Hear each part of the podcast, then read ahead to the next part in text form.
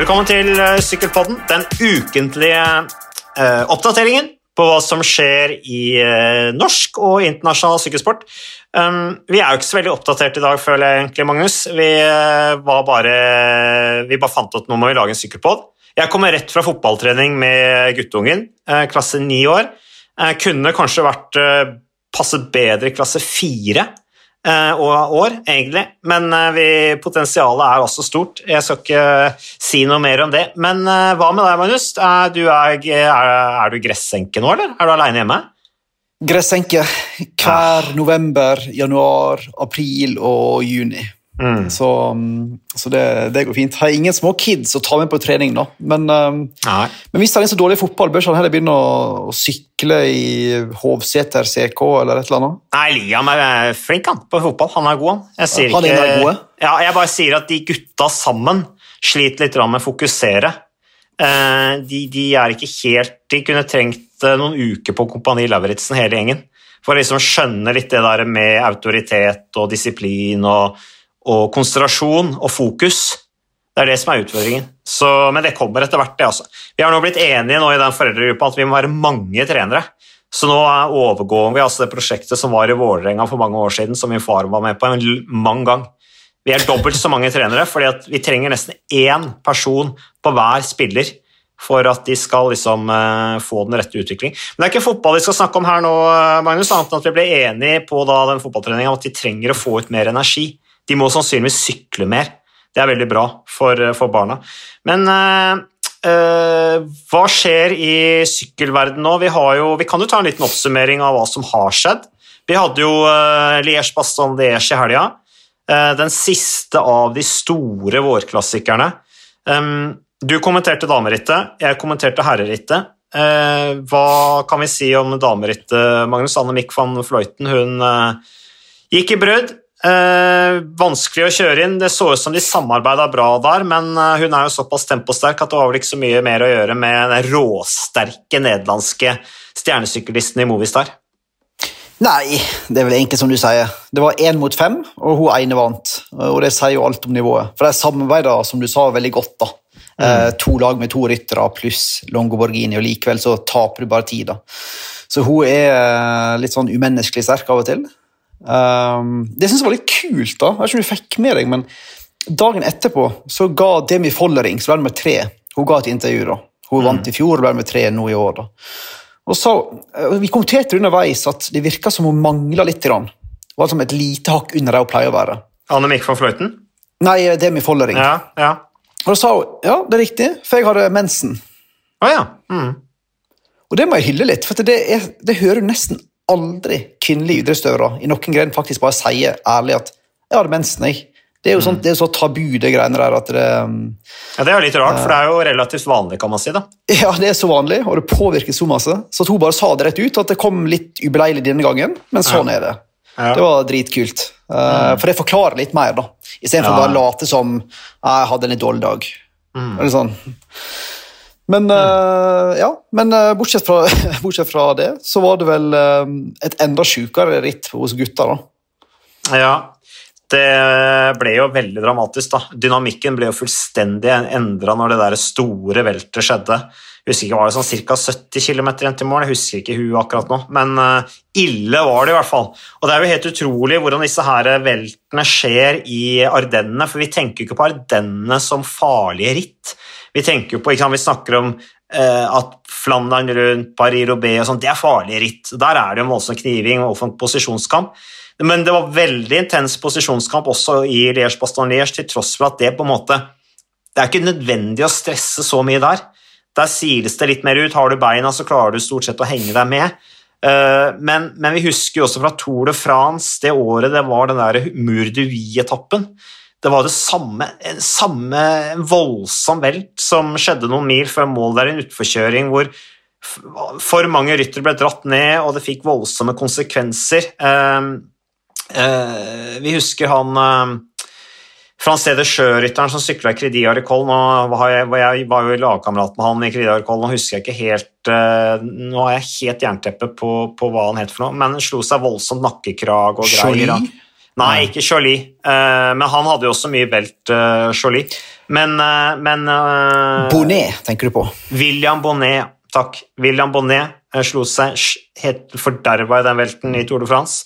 Kanskje Lara mista trøya si, det var mye drama. og så var Det det minner meg veldig om den velten der. Og det gikk jo hardt utover uh, bl.a. Uno X, ikke sant? Halland Johannessen, gutta, Tobias eh, særlig, som slo armen sin. Eh, de måtte gi hverandre sykler osv. Da var løpet kjørt. Og så var det jo veldig dramatisk med, med Julian Alaphilippe. Eh, og det, liksom det, det store øyeblikket der, det var jo da, da Roman Bardet, som jo egentlig ikke lå nede i grøfta. Altså han, han lot sykkelen sin ligge, han, og gikk ned og heller tok seg av Julian Alaphilippe. Eh, og det syns jeg sier noe om en mann som har litt, litt større perspektiv, da. Eh, og, og ikke ser ting fra sin egen nesip. Altså, han bare, han bare ser ok, dette her er viktigere akkurat nå enn sykkelrittet jeg deltar i. Eh, og det, det sier noe om han som person, altså. Så det, men han fikk jo enormt mye hyllest for det, da. Eh, bare det. Så, og det var vel fortjent, syns jeg. Det syns jeg var, var flott. Absolutt. Uh, og nå ser det ut som det går sånn eh, relativt bra med Ala Filip. Det var vel punktert lunge og noen ribbein og et skulderblad var det vel, Mm. som røyk. Ja. Men det som skjer da, er at det stiller jo litt spørsmål om um, kanskje Evenepool blir sendt til Tour de France. Altså, En vet jo ikke hvordan det påvirker oppkjøringa til Touren for, eksempel, for Ala Filip. Så um, vi får se det litt an, da. Men um, Nei, bare det fikk hyllest, og det var fortjent. Det er så noen på nok, Folk på sosiale medier er jo alltid på utkikk etter en krangel. Um, så noen som kom og mente ah, drit i Bardet for skryt, det er jo helt vanlig, alle skal hjelpe folk som har skader rundt seg. Det, ja, ja, det var 50 stykker som var skada, det var ingen andre som gikk og hjel- hjalp han.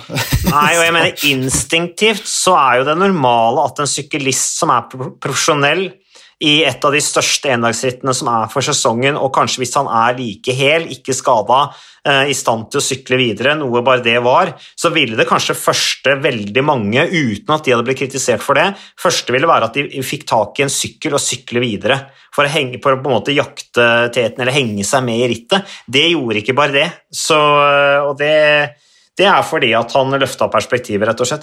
Men eh, tilbake til selve rittet, så, så var det jo enormt med Evenepool. Eh, man kan jo alltid stille spørsmål om det ville vært like lett om ikke det velta skje, men så kan man nesten ikke tenke. Det var en stor seier. Eh, han trengte den seieren. Laget hans trengte seieren enda mer. Eh, Og det bare befesta talentet til Evenepool. Han er, han, han er en rå rytter, rett og slett. Altså. Angriper fra Laredot allerede. Det er jo Rocha Foucault de pleier å angripe i nyere tid, men han klinka til solo. Og, det, og han er jo litt sånn som med Annemiek van Fløyten der, når han først har gått løs, så er han nesten umulig å, å, å hente hvis ikke det er et lag, et, et par lag bak som gjør jobben med å, å hente han inn. Ja, det, det er sjelden du ser folk angripe solo fra Redot eh, hos gutta og vinne. Altså. Han er så allsidig. Spurteopptrekker av rang i Baskeland rundt. Temposterk der, og så klatrer han bra, og så er han god utfor, til og med. Blitt ganske god, syns jeg. Mm. bratt læringskurve der da, siste åra, utfor, men um, Han jobber hardt med det. eh, Ja, han har det. Men han er så um, knallhard i nøtta, tror jeg. altså. Han er det. Knallhard i nøtta. Jeg mener, en, ting er jo liksom det fysiske prestasjonen i seg selv isolert sett, men det er jo, det er jo som du er inne på der med utforkjøring og ting, denne velten han hadde i Lombardiet rundt for et par år siden. altså det er jo ikke uvanlig at sånn sitter godt i. Han brukte jo ganske lang tid på å komme tilbake der. Jeg syns Quickstep eh, matcha han litt for hardt også. De sendte han til Italia rundt allerede våren etter. Dette her var jo seint på høsten. Altfor tidlig i et så tøft ritt med så dårlig grunnlag. Og han, når han stiller, så med det presset han hadde, så ble jo det en skikkelig nedtur. Han brøyt det til slutt, etter å ha fått mye juling. Eh, Men, eh, men du snakker om eh, Jeg vet ikke om du har sett spekulasjoner på om han skal til Tour de France. Sånne ting. Det kan jo være naturlig kanskje at det, at det vurderes, men jeg mener jo at han, nå bør han holde seg til planen, puste med magen, eh, slippe opp eh, og trene godt, bygge grunnlag, og så kjøre Spania ut som planlagt. At, at han, han er ung rytter, han trenger fremdeles tid på seg. Ja, jeg er helt enig. Det blir jo også spennende sånn med, når vi snakker om Alain Philippe og Tour de France. Vi ser jo selvfølgelig Bernal er jo ute. Uh, Alain Philippe eh, får et veldig trøblete oppladning. Roglic er vi litt usikre usikker på. Har ikke hørt noe særlig der fra det knetrøbbelet han hadde i, i Baskeland. Sjelden Nei. han er skada. Usikker på hvordan det påvirker hans oppkjøring. Ja. Så det blir mange usikkerhetsmoment i Tour de France, da. bortsett fra at Pogacar er på et eget nivå og vinner, selvfølgelig. Ja, han fikk jo bank opp Mur de Vie, da. Det gjorde han i Flush Land på onsdagen. Eh, Der ble jo for øvrig Tobias Allan Johansen nummer 20, som var absolutt eh, lovende. Opplagt i kjempeform når han kom inn i Liège Baston Liège Allan Johansen. Jeg synes det vi så fra eh, Uno X-gutta før det veltet skjedde, var veldig, veldig, veldig bra. Kjørte helt riktig. Prøvde å plassere seg inn i La Redoute. Men, men når det gjelder Tour de France, så er det Du er inne på Roglic der. Eh, Og han ble åtte sammenlagt i Baskeland, mener jeg ikke det? Det har jeg ikke i hodet. Men det er Nei, du men han, han, han, han, var- han, var- ikke, han var ikke så bra som han pleier, men samtidig så liksom Han er jo bra nok. Han fullførte det rittet, som jo tyder på at det er ikke noe sånn voldsomt akutt. Det så jo ut som han hadde kontroll på det. Han bare er litt etter rent formmessig, og det tenker jeg. Jeg tror ikke det er noe krise eh, når han skal være i form i, i juli. Nei da, det er lenge til. Mm. Det kommer det jo um, kommer en Giro rett rundt hjørnet før Ja. den tid, som blir veldig spennende. Så det det er lenge til Toren, så det skal ikke krisemaksimere. Det skal ikke gjøre. Nei, nei men uh, vi trenger Roglic hvis uh, Pogacar skal få litt motstand.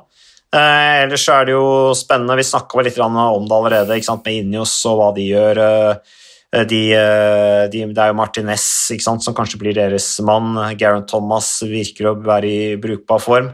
Eh, de er jo et lag i relativt medgang, eh, sånn at eh, det blir spennende å se, men tror Tour de Romandie følger noe med på det, eller? Det var jo andre etappe eh, i dag, eller første etappe etter prologen i går.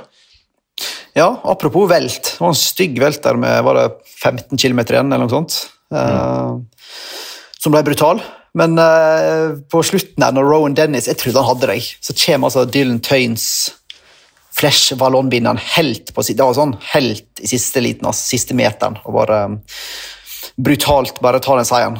Eh, Da var Leknesund oppe på en sånn topp 30-ish, tror jeg.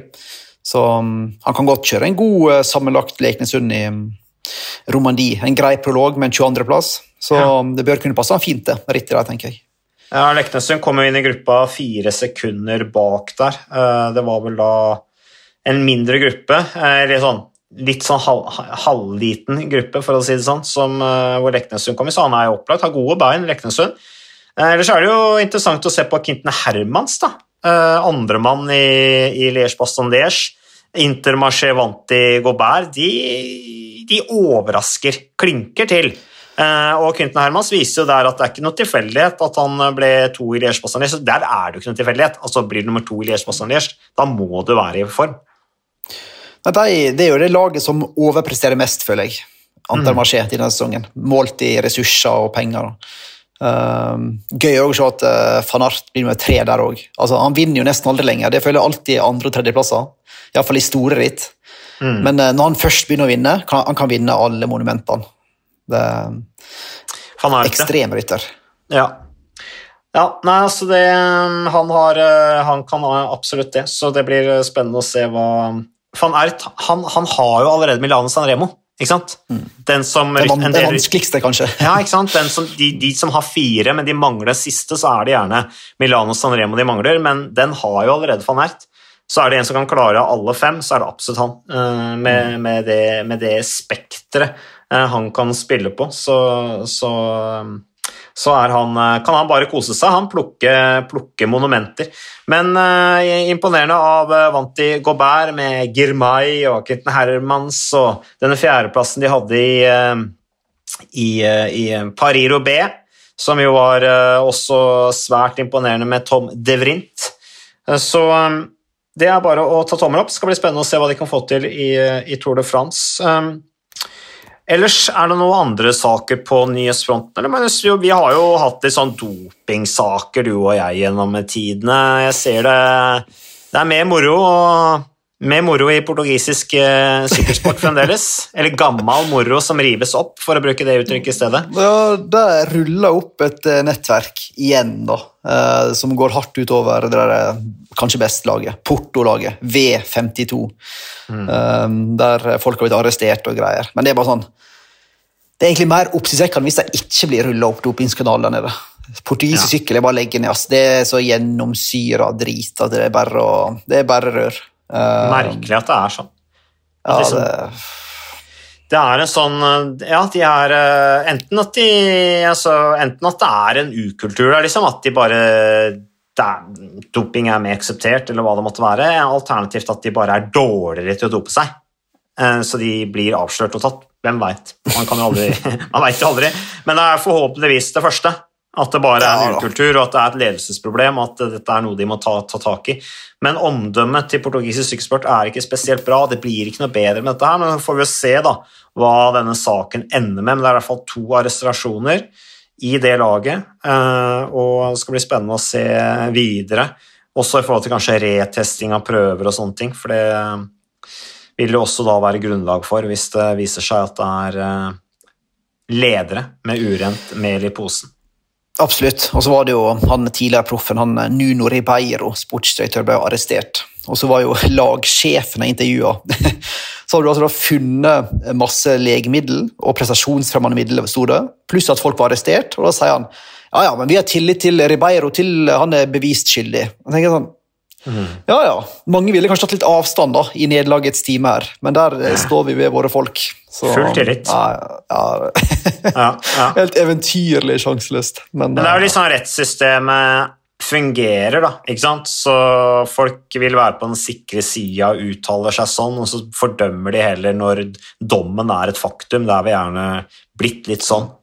Så Men eh, eh, vi får nå se hva som skjer videre der. Når det gjelder eh, fremtidige ritt, eh, Romandie rundt ruller og går. Eh, det er jo, som de fleste vet, da et slags oppkjøringsritt. Noen bruker det i hvert fall som et oppkjøringsritt til Giro Italia. Noen bruker det for å liksom få den siste saften ut av beina etter en hektisk klassikersesong før de tar en pause og kanskje lader opp til sommerens Tour de France eller høstens rittplan, hva det måtte være. Men til helgen allerede, Magnus, så kommer jo da uh, Eschborn Frankfurt. Det sender jo vi på TV 2. Uh, der stiller jo blant annet uh, UnoX. Men uh, sett med norske øyne så er det et ritt hvor vi har eh, meget eh, mye å være stolt over. Blant annet Dag Otto Lauritzen har vunnet Eschborn Frankfurt. Og ikke minst, Alexander Kristoff har jo rekorden i antall seire i det rittet, med fire seire foran tyske Erik Sabel på hans hjemmebane, som har tre. Så eh, det er jo et spesielt ritt, for det er jo egentlig ganske kupert, men det er jo fire mil da, fra toppen av siste stigning og inn til mål, og da blir det alltid sånn ja, det er ikke noe vits, liksom. Det kommer til å samle seg, eh, og lagene stiller med relativt spurtsterk tropp uten de sterkeste klatrerne, og da blir det gjerne sånn at det til slutt samler seg, da, for det kjøres jevnt og går ikke altfor hardt i, i bakkene. Så eh, ja, jeg vet ikke om du er noe mer du vil at jeg skal si om det rittet der, eh, Magnus, om vi skal ta hele regla med historie og det er jo ikke det eldste, det er jo ikke det meste, det er jo ikke kan, Ja, vi kan vel kalle det, De kaller det ratklassiker. Men det, går det blir jo litt sånn inflasjon i klassikere òg, da. Dette er første gang ble arrangert i 1962.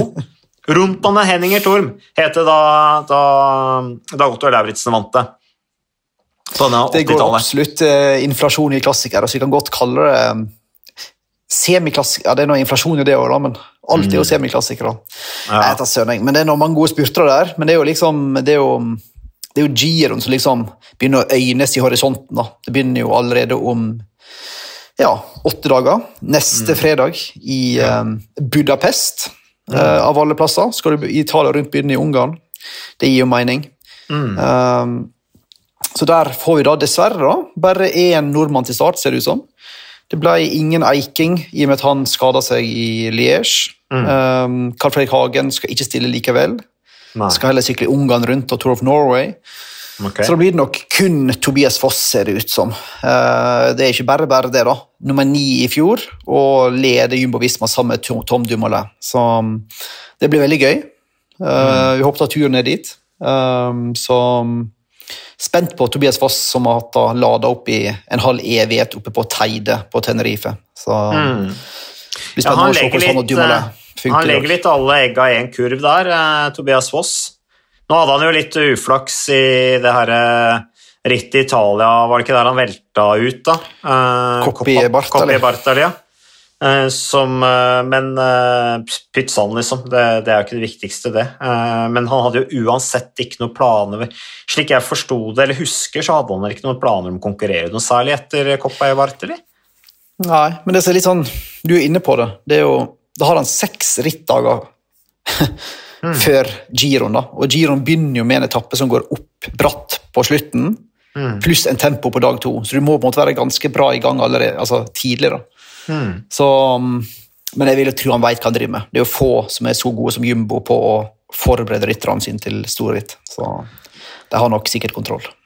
Ja, det er i hvert fall uh, gøy å se om Tobias Foss uh, klarer å uh, forbedre den topp ti-plasseringen han hadde i fjor.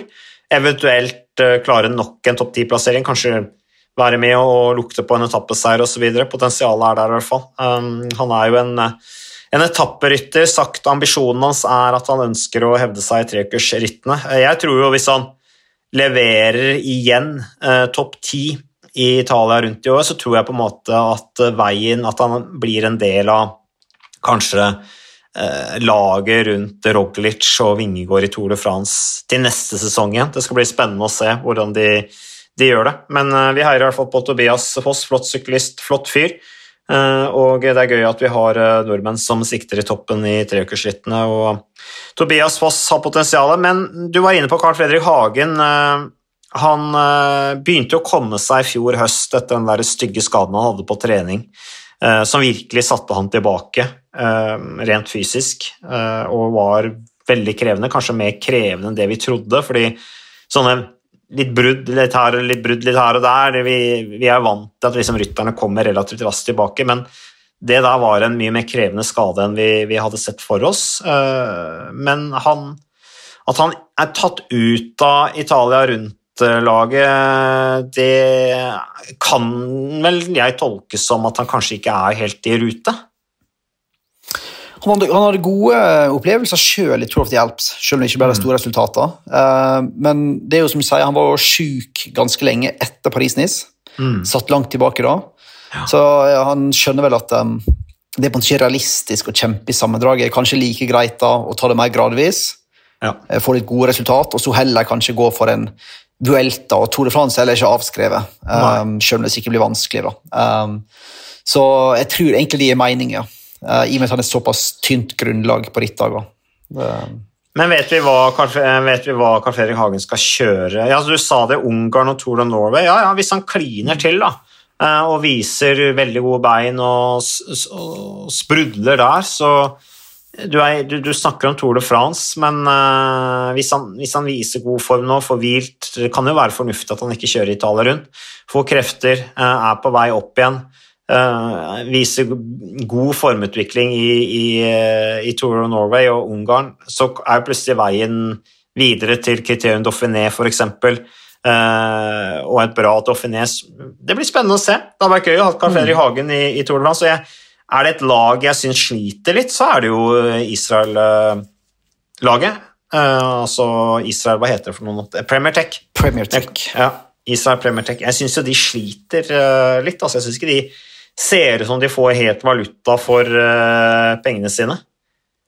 Nei, men klart når du kaster rundt sånn som de har gjort, uten mål og mening, så blir det fort sånn. da. Sliter jo liksom i nedrykkssumpa. da. Risikerer jo å ikke være i World Tour neste år. Det vil jo være ganske pinlig for et lag som har brukt så masse penger. Um, så de trenger å få Folsang og Michael Woods og gutta friske og i form ganske snart. Mm. Skal de berge den plassen, tror jeg. Froome tror jeg ikke, tror ikke det er så mye poeng å hente der. Så men det ser ikke liksom, sånn ut. Nei, det er ikke det. Men jeg tror um, Carl Fredrik i tospann med Patrick Bevin i Ungarn og Norway, mm. um, der det er gode klatretapper i begge ritt nå, det kan bli en del gode plasseringer sammenlagt. Så da kan du jo hente litt poeng. Da. Så. Mm. Så, ja, Apropos, men, um, du var inne på ranking. der, det har vi jo snakka litt om. Eh, det er jo et spesielt eh, system, men det er jo interessant å, å, å se hvilke lag som rykker ned fra Worldtouren fordi at de ikke klarer å rett og slett sykle fort nok, få inn nok resultater. Lotto Sodal har jo akkurat signert Reinhard Janse van Rensburg og Carlos Barbero, som da skal sykle for laget fra 1. mai, ifølge et newsblad som meldte dette først, og det er jo også nå offisielt. Eh, det er jo blitt bekrefta. Eh, og det er jo da et forsøk på å berge worldtour-plassen. Det er jo litt uh, interessant, men samtidig liksom sånn et tegn på at laget ikke har kontroll, da. Og at de kanskje må fravike den egentlige strategien de har, og kanskje et signal også om at de ikke lykkes i, i stor nok grad å få resultatet med den troppen de har, og den utviklingen de ønsker på rytterne. At de kanskje har De endret jo strategi. Lotto Sodal de skulle satse mer på unge ryttere, ha en litt annen måte å sykle på, med mer angrepsvillig sykling, gå i brudd, sette farve på rittene på den måten. men det har dessverre ikke gitt de resultatene. Da. Selv om jeg syns Lotto Sodal på mange måter har markert seg bra, vært godt med, eh, vært gøy å se disse unge rytterne som har klatret bra osv. Men så plutselig må de hente da Rans, Janse van Rensburg og, og Barbero. Det er jo liksom sånn Hæ?! Altså, jeg helt, helt enig. På ene sida lurt, fordi du skjønner vi sliter. Dette er folk mm. som kan bli topp ti i mange mindre ritt, og der er det masse poeng å hente. Ja. Men hvorfor henter ikke jeg da i januar? Det er jo på Mallorca og i Andalusia og Algarve og altså det, er jo, det er jo der disse gutta hadde henta mange poeng. Mm. Det er jo ikke først og fremst de etapperittene nå på sommeren de briljerer. Så det er jo liksom panikksigneringer, da. og det har vært ledig på markedet siden januar. Så det var jo bare mm. å hente dem med en gang, egentlig. Ja. ja. Men, det virker, men det virker som mange lag ikke egentlig har satt seg inn i liksom, konsekvensen av å ikke skåre nok poeng. da. Det virker som det kommer veldig overraskende på folk at du skal rykke opp og ned. Og det har mm. vært klart i tre år nå. Altså, det er jo litt spesielt. De er på etterskudd, ingen tvil om det. Panisk signering der altså av Lottos Lotto Sodal for å, for å uh, berge da World Så det er jo uh, artige nyheter. er det noe mer som har skjedd, eller sist, Magnus? Så hadde du det Kommer du til å savne vårklassikerne, eller er du nå skrudd om på å liksom omstille deg nå til, til, til Giro Italia? Jeg har jo alltid, Hvis jeg må velge, så har jeg alltid foretrukket etapperitt over endagsritt. Ja. Jeg syns Giro er nydelig, jeg syns Dauphiné er nydelig. Um, mm. Sveits rundt er kult ritt, så jeg syns nå er den beste perioden. da. Ja. Vi går inn i den beste perioden, syns jeg. Mm. Så, mm. Mm. Hva, hvordan følger du med på giroen? Sitter du liksom fast i timene på ettermiddagen og får sett, eller blir det mye opptak? Eh, ser du alt? Velger du ut enkeltetapper? Hvordan gjør du det? Nei Du ser jo litt av alt, men ser, mm. det er ikke mange timer. Nei. Siste timen hver dag. Mm. Fjelletapper ja. prøver du å få inn litt lengre, da. men det er vanskelig å ta, er du gjerne på jobb sant, når fjelletappene begynner. Mm. Når du prøver å finne en unnskyldning for å se på sykkel mens du egentlig bør jobbe med ting. Da. Um, så det er litt sånn der um, Ja, men du jobber jo på en måte når du sitter og ser på sykkel. Jo, men Jeg kan ikke sitte på jobb bare sitte og se på sykkel for det. Jeg synes det er gøy. da. Så jeg må liksom finne på en slags um, lat, så gjør noe annet. da. Mm. Og så egentlig sitte og se på sykkel. Håper ja. ingen som har ansatt meg, sitter og hører på dette her, da. Men um... Nei. Nei. Nei, det er sant. Men du er jo, du er jo mesteren av opptak, da. Jeg ser det meste av sykkelløp i opptak, ja. Uh, da har jeg på en måte Når jeg sitter og sykler rulle eller ergometersykkel, da ser jeg sykkelløp i opptak. Uh, og da lever jeg meg liksom litt inn i rittet. Tråkker til når de tråkker til og sånn. Og så, og så er det en fin måte å slå to, altså slå to fluer i en smekk, rett og slett. Du får trent og sett hva som har skjedd på dagens sykkelløp. Og det spiller ingen rolle for meg å vite resultatet. Det, det gjør ikke noe om jeg vet det. Det er ikke, det er ikke spenningselementet jeg er ute etter. Jeg vil bare se hvordan de sykla, og hvem som var i brudd og hvem som eventuelt ble henta siste kilometeren og fortjente å vinne, men som allikevel da bare blir nummer 60. ikke sant? Altså, sånn du, du, oppdager det ikke når du leser resultatene. Så det er viktig å se sykkelrittene og se hvem som faktisk er sterke. Sånn som Lafay ikke sant? i, i Baskeland rundt, som jo var fantastisk sterk på den etappen. Han ble henta rett før mål. Du har jo noen sånne eksempler. Uh, og det er jo greit å vite at det der var faktisk en som var veldig nære å vinne. Eh, ser du bare på resultatene, så, så får du et feil bilde av, av, eh, hva de egentlig har prestert. Da. Må se bak resultatet, som Nils Johansen pleier å si når Norge sleit på tidlig 2000-tall. Var det han som sa 'best uten ball' òg, eller var det Drillo? Det var jo Leo det, som var best uten ball. Ja, han var best uten det ball. Det var vel Drillo eh, ja, som kom med beskrivelsen, vil jeg tro. Ja, ja, jeg mener at eh, jeg tror det var Drillo som sa at ja, vi er best uten ball. Det blir jo litt sånn, eh, litt sånn Kan vi sammenligne det med det er altså liksom Syklet best, men fikk ikke resultat. Det er det best, beste syklisten uten noen resultater. Am Det- Amets Churuka. Soroka, vet du, han, øh, han ville vært der, ja. Uh, Subeldia hadde jo enkeltresultater, da.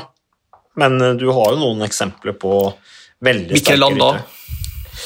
Landa, Hva syns du om Landa sin kjøring sammen med Barain Victorious i Liège-Bastogne? Først så ble jeg litt sånn imponert, men så tenkte jeg etterpå at eh, var kanskje litt rart. Eh, burde han ikke heller gått litt mer all in, liksom? Det var angrep angrep angrep der.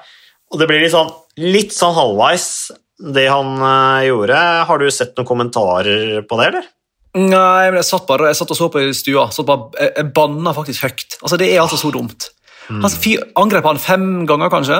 Ja, jeg, jeg mista tellinga til slutt. På feil tidspunkt, litt sånn halvhjerta, litt for korte drag. Istedenfor for å bare bruke kreft. Jeg føler, han- jeg føler istedenfor å bare gå all in for å vinne ritt, så jeg har nesten blitt litt sånn fanga i den derre landismo, skal angripe hele tida, greia som har blitt en sånn der, Ja, det har blitt en sånn greie for han, at han skal liksom leve opp til det, istedenfor å bare være litt smart av og til. da.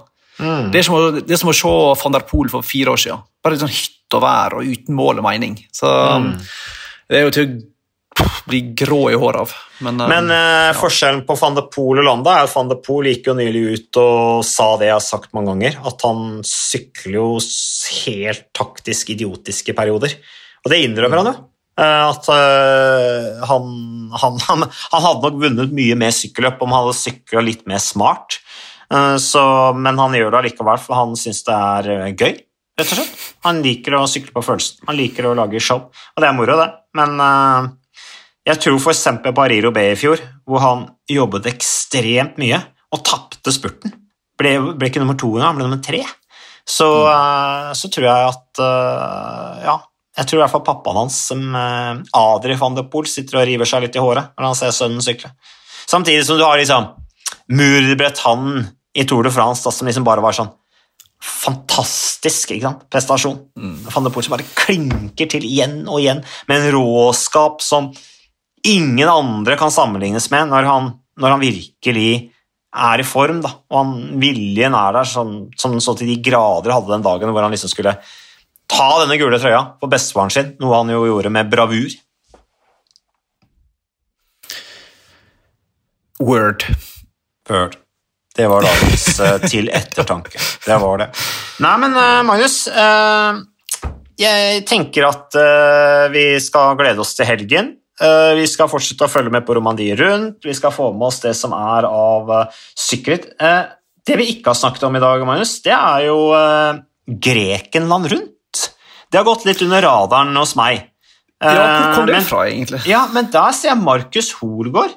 Han ble jo faktisk nummer fem på dagens etappe, og det var et brudd som gikk, som fikk ett minutt og 51 sekunder på første etappen. Ble vunnet av Aaron Gate, som nå sykler for Bolton Equities Blackspoke Pro Cycling. De var jo i Tour de Norway i fjor for øvrig.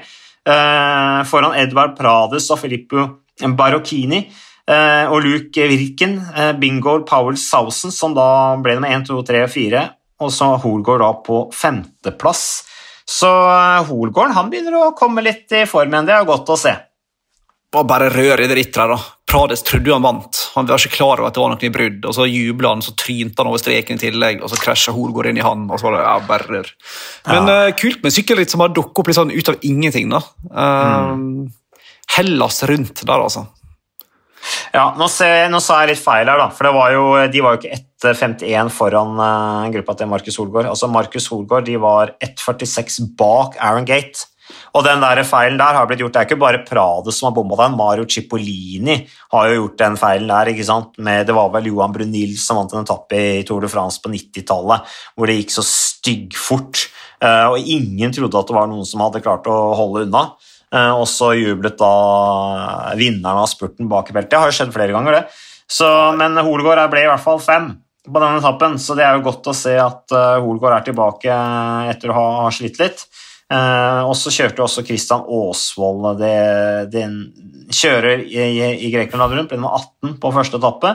Håkon Aalrust for Team Coop, Team Coop er der blant annet. Så det er jo et ritt vi må følge litt med på. da. August Jensen er der. da. Men du er veldig, veldig sånn vestkant. Du sier altså Grekenland. Du sier ikke Hellas, du sier sånn Grekenland. Ja, og så sier jeg Rådos. Rådos. Ja, Uh, nei da, men uh, sier er det feil? At jeg sier Grekenland? Greker? Nei, jeg trodde Hellas var liksom den moderne måten å si Grekeland på. Men, um, ja. men, men, er det sånn at noen du er noen særtype. Jo, men er det sånn at noen bør føle seg krenket? På noen Sikkert måte? Noen som, ja, ja, garantert noen som er krenka. Ja. Ok, ja. Nei, men eh, til noen da skjeller meg ut for at jeg sier Grekenland, så, og fordi at de føler seg krenket av det. Eh, I så fall, hvis noen føler seg krenket av det, så beklager jeg det. Det var ikke meningen. Jeg trodde du kunne på en måte bruke Grekenland og Hellas litt om hverandre. Grekenland er jo gode, gamle Grekenland, liksom. Uh, Greece, altså Ja. Greece. Så det Nei, men uh, da har vi tatt Hellas uh, rundt. Noe mer vi skal snakke om da, Magnus, før vi legger på her? Um, det er, det er Vi lader jo selvfølgelig også opp etter hvert nå mot Tour of Norway. Hva er din rolle da, forresten, i Tour of Norway? Hva kan du avsløre om det? Nei, jeg skal jo jobbe, da. Ja, stakkars deg. Man gir jo ja, jobbe. Så er det gøy. Blir kult slave rundt og intervjue folk. Ja, det er helsike. Mm. Men det blir jo uh, kul løype, da. Klart kuleste. Det har hatt seks etapper, en skikkelig fjelletappe opp til Gaustoppen der, og mm. begynner i Bergen og i mål i Stavanger. Så det tror jeg blir en ganske kul, uh, kul. Med Skal ikke Evenopol òg sykle? Jeg tror det. Jo, jeg så det, men det kan jo fort bli skifta, eh, endra i ja. siste liten. Men uh, spennende å se om han dukker opp, i hvert fall. Så, så Magnus Sheffield skal vel sykle. og... Ja, Carl Fredrik ja. og Tobias Halland Johannessen. Det blir bra, det. Mm, mm. Eh, de skal jo sykle Bergen-Voss, apropos klassiker. Det er jo en norsk klassiker. Et turritt, men uh, allikevel. Definitivt en klassiker sett i norsk sykkelsportsammenheng. Nei, men bra. Da tror jeg vi uh, takker for oss. Takk, for sykkel, takk for at du lytter på Sykkelpodden. Er det noe mer sånne høflighetsfraser jeg bør lire av meg før vi legger på, Magnus? Har du, har du lyst til å takke lytterne? Du, du pleier ikke å gjøre det. Nei, jeg har lyst til å si en, rett en stor takk til alle som tar seg tid på å høre på eh, rablinga til to mm. personer med litt for masse fritid. Takk for denne episoden. Da får du bare kose deg videre, Magnus. Uh, nyte gressenkelivet, ta vare på huset, få i deg riktig næring, ikke bare spise dårlig drittmat. Eh, fordi at du ikke gidder å kokkelere på en skikkelig måte bare fordi at du nå er aleine hjemme eh, og mangler fullstendig tiltak. Pass på å få mosjonert nok. Eh, støvsuge, vaske litt innimellom også. Det gjør seg. Og så, takke, og ønsker vi alle lytterne en videre fin uke. Og så kos dere i helga med Eschborn Frankfurt. Da, går, da, da satser vi på, på norsk seier. Og så er vi tilbake neste uke, sannsynligvis med mer Sykkelpodden.